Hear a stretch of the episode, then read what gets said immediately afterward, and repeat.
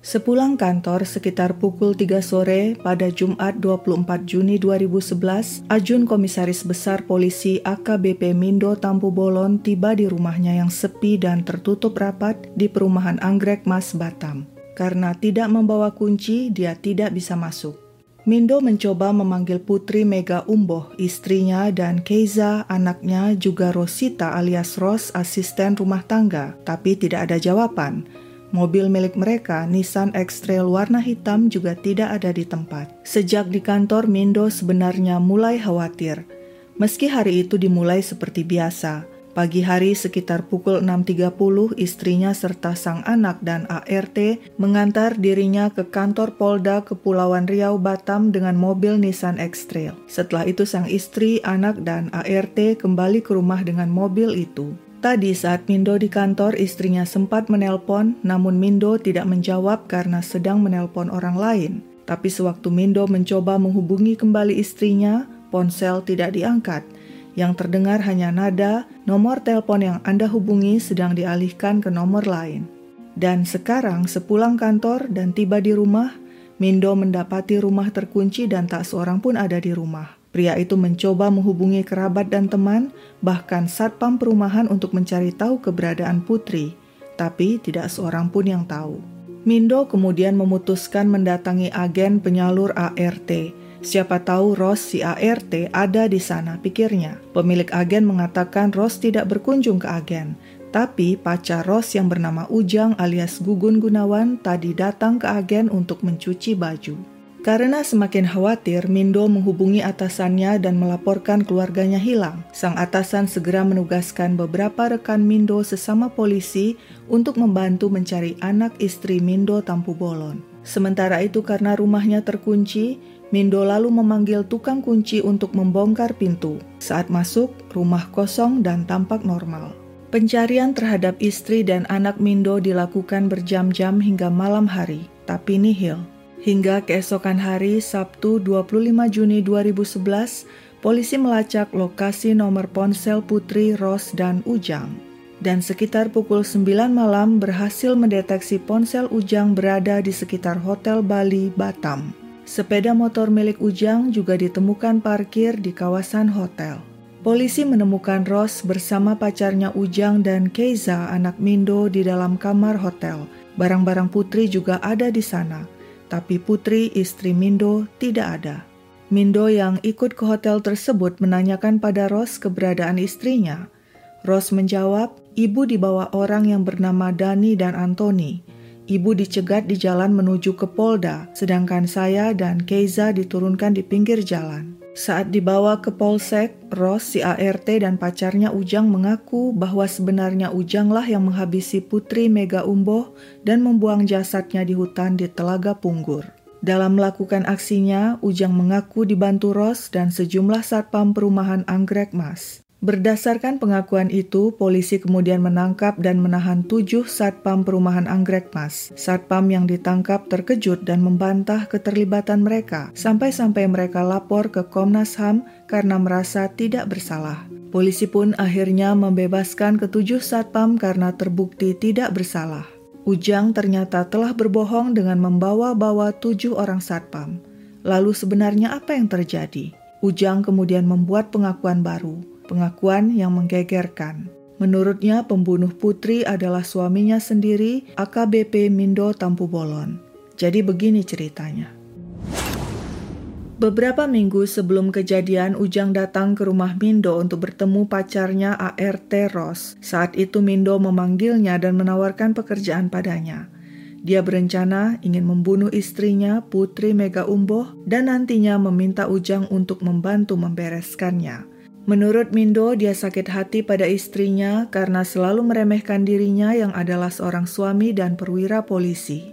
Mindo Tampu Bolon menjanjikan imbalan 25 juta rupiah untuk Ujang. Eksekusi direncanakan dilakukan tanggal 24 Juni 2011 di rumah Mindo. Ujang pun setuju. Pada Rabu 22 Juni 2011 pukul 5 sore, Mindo meminta Ros menghubungi Ujang dan menyuruh pria itu masuk ke rumah lewat atap belakang rumah yang sudah dilubangi. Ros membantu Ujang turun dari atap dengan menaruh kursi di bawahnya saat pacarnya itu turun dari atap. Sejak hari itu, Ujang tinggal di kamar Ros tanpa sepengetahuan Putri Mega Umbo.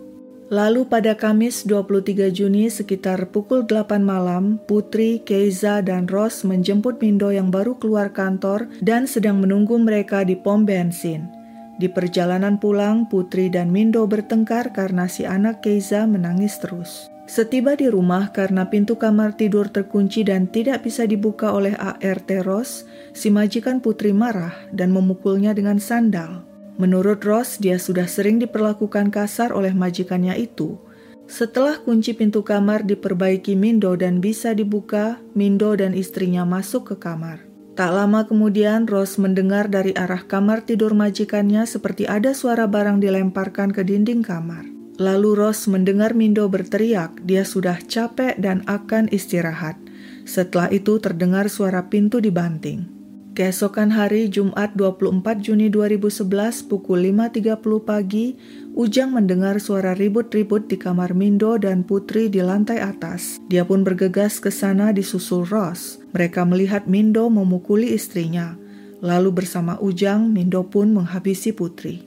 Terakhir bersama Ross, Mindo memasukkan jasad istrinya ke koper merah. Mindo lalu menyuruh Ross membawa barang-barang berharga termasuk kartu ATM Putri agar terlihat kejadian itu seperti perampokan. Mindo berpesan agar Ross dan Ujang membuang jasad Putri dan mereka boleh membawa Kezia bersama mereka. Seandainya nantinya ditanyai polisi, Mindo kembali berpesan agar Ross mengatakan dirinya dan Putri dicegat orang di tengah jalan dan dirampok.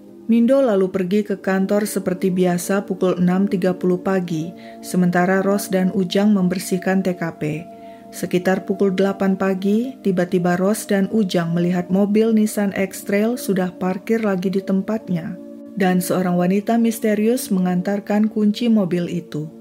Ujang kemudian mengemudikan mobil itu, bersamanya ikut Ros dan Kezia, mereka menuju kawasan Telaga Punggur dan membuang koper berisi jasad putri di hutan yang berada di kawasan itu. Lewat pengakuan Ujang dan Ros itulah jasad Putri Mega Humboh dapat ditemukan di hutan di kawasan Telaga Punggur pada 25 Juni 2011. Dan dari pengakuan itu pula, polisi kemudian menetapkan Mindo Tampu Bolon sebagai tersangka pada 29 Juli 2011. Mindo Tampu Bolon tentu saja membantah dan segera menyewa jasa pengacara Hotma Sitompul untuk menangani kasusnya.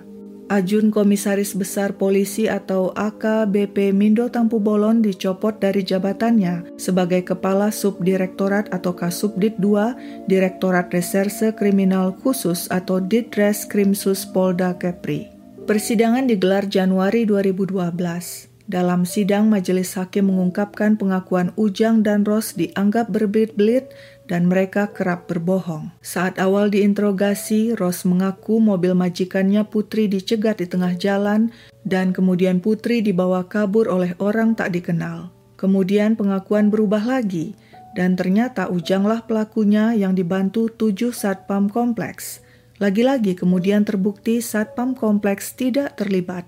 Hingga akhirnya Ujang mengeluarkan pengakuan pamungkasnya yaitu otak pembunuhan Putri Mega Umboh adalah suaminya sendiri, Mindo Tampu Bolon. Keterangan Ros dan Ujang juga sering kali bertentangan satu sama lain. Selain itu, majelis hakim juga mengatakan tidak ada bukti dan saksi seorang wanita misterius datang mengantar kunci mobil Nissan X-Trail ke rumah Mindo.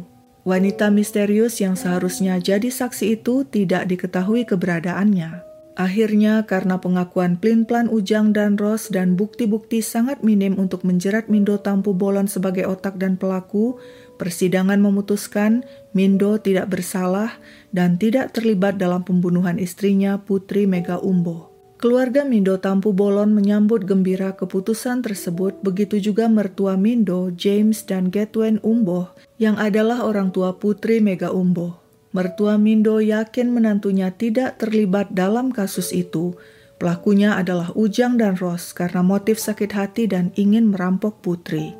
Sementara itu, sidang menjatuhkan hukuman 20 tahun penjara pada Gugun Gunawan alias Ujang. Ujanglah yang disebut sebagai otak dan pelaku pembunuhan Putri Mega Umboh.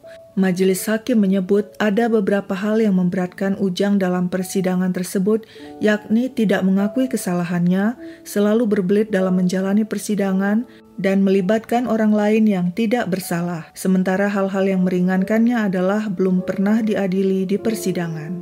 Sedangkan asisten rumah tangga Rosita alias Ros, majelis hakim menjatuhkan vonis 15 tahun penjara. Rosita menangis dan mengatakan tidak menerima putusan itu yang dianggapnya terlalu berat sebab dia tidak ikut membunuh. Tapi majelis hakim mengatakan secara sadar Ros ikut membantu aksi kejahatan itu. Peran Ros sangat nyata. Menurut majelis hakim, Ros memiliki kesempatan untuk tidak terlibat dalam aksi kejahatan, tapi dia tidak melakukannya. Usai vonis dijatuhkan terjadi kehebohan. Keluarga Putri Mega Umboh maju ke depan persidangan mengejar Ujang yang digiring pihak kepolisian. Puluhan polisi yang bersiaga mengamankan persidangan langsung menghentikan serangan pihak keluarga korban. Sempat terjadi pelemparan botol air mineral ke arah Ujang meski luput. Dorong-dorongan antar pihak keluarga putri dan polisi pun tidak terhindari.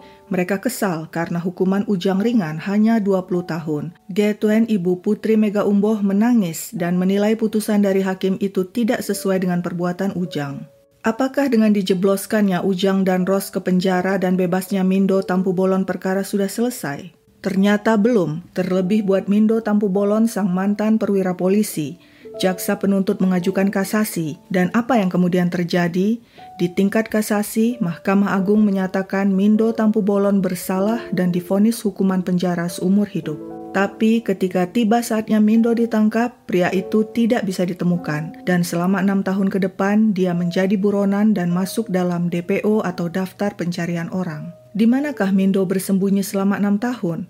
Ternyata pria itu dan anaknya Keiza bersembunyi di Lampung. Dia memilih Lampung agar berdekatan dengan mertuanya James Umboh dan Gatwain yang tinggal di sana. Sejak awal, mertua Mindo selalu mendukung menantunya, mereka yakin Mindo tidak bersalah dan tidak pernah terlibat. Ujang dan Roslah yang telah melakukan aksi keji pada putri sulung mereka. James dan Gedwin juga percaya pada Keiza, cucu mereka yang berusia tiga tahun dan melihat kejadian pembantaian ibunya. Keiza mengatakan ibu dibunuh Om Ujang dan Tante Ros. Kombes Polisi Purnawirawan James Umboh menganggap menantunya difitnah.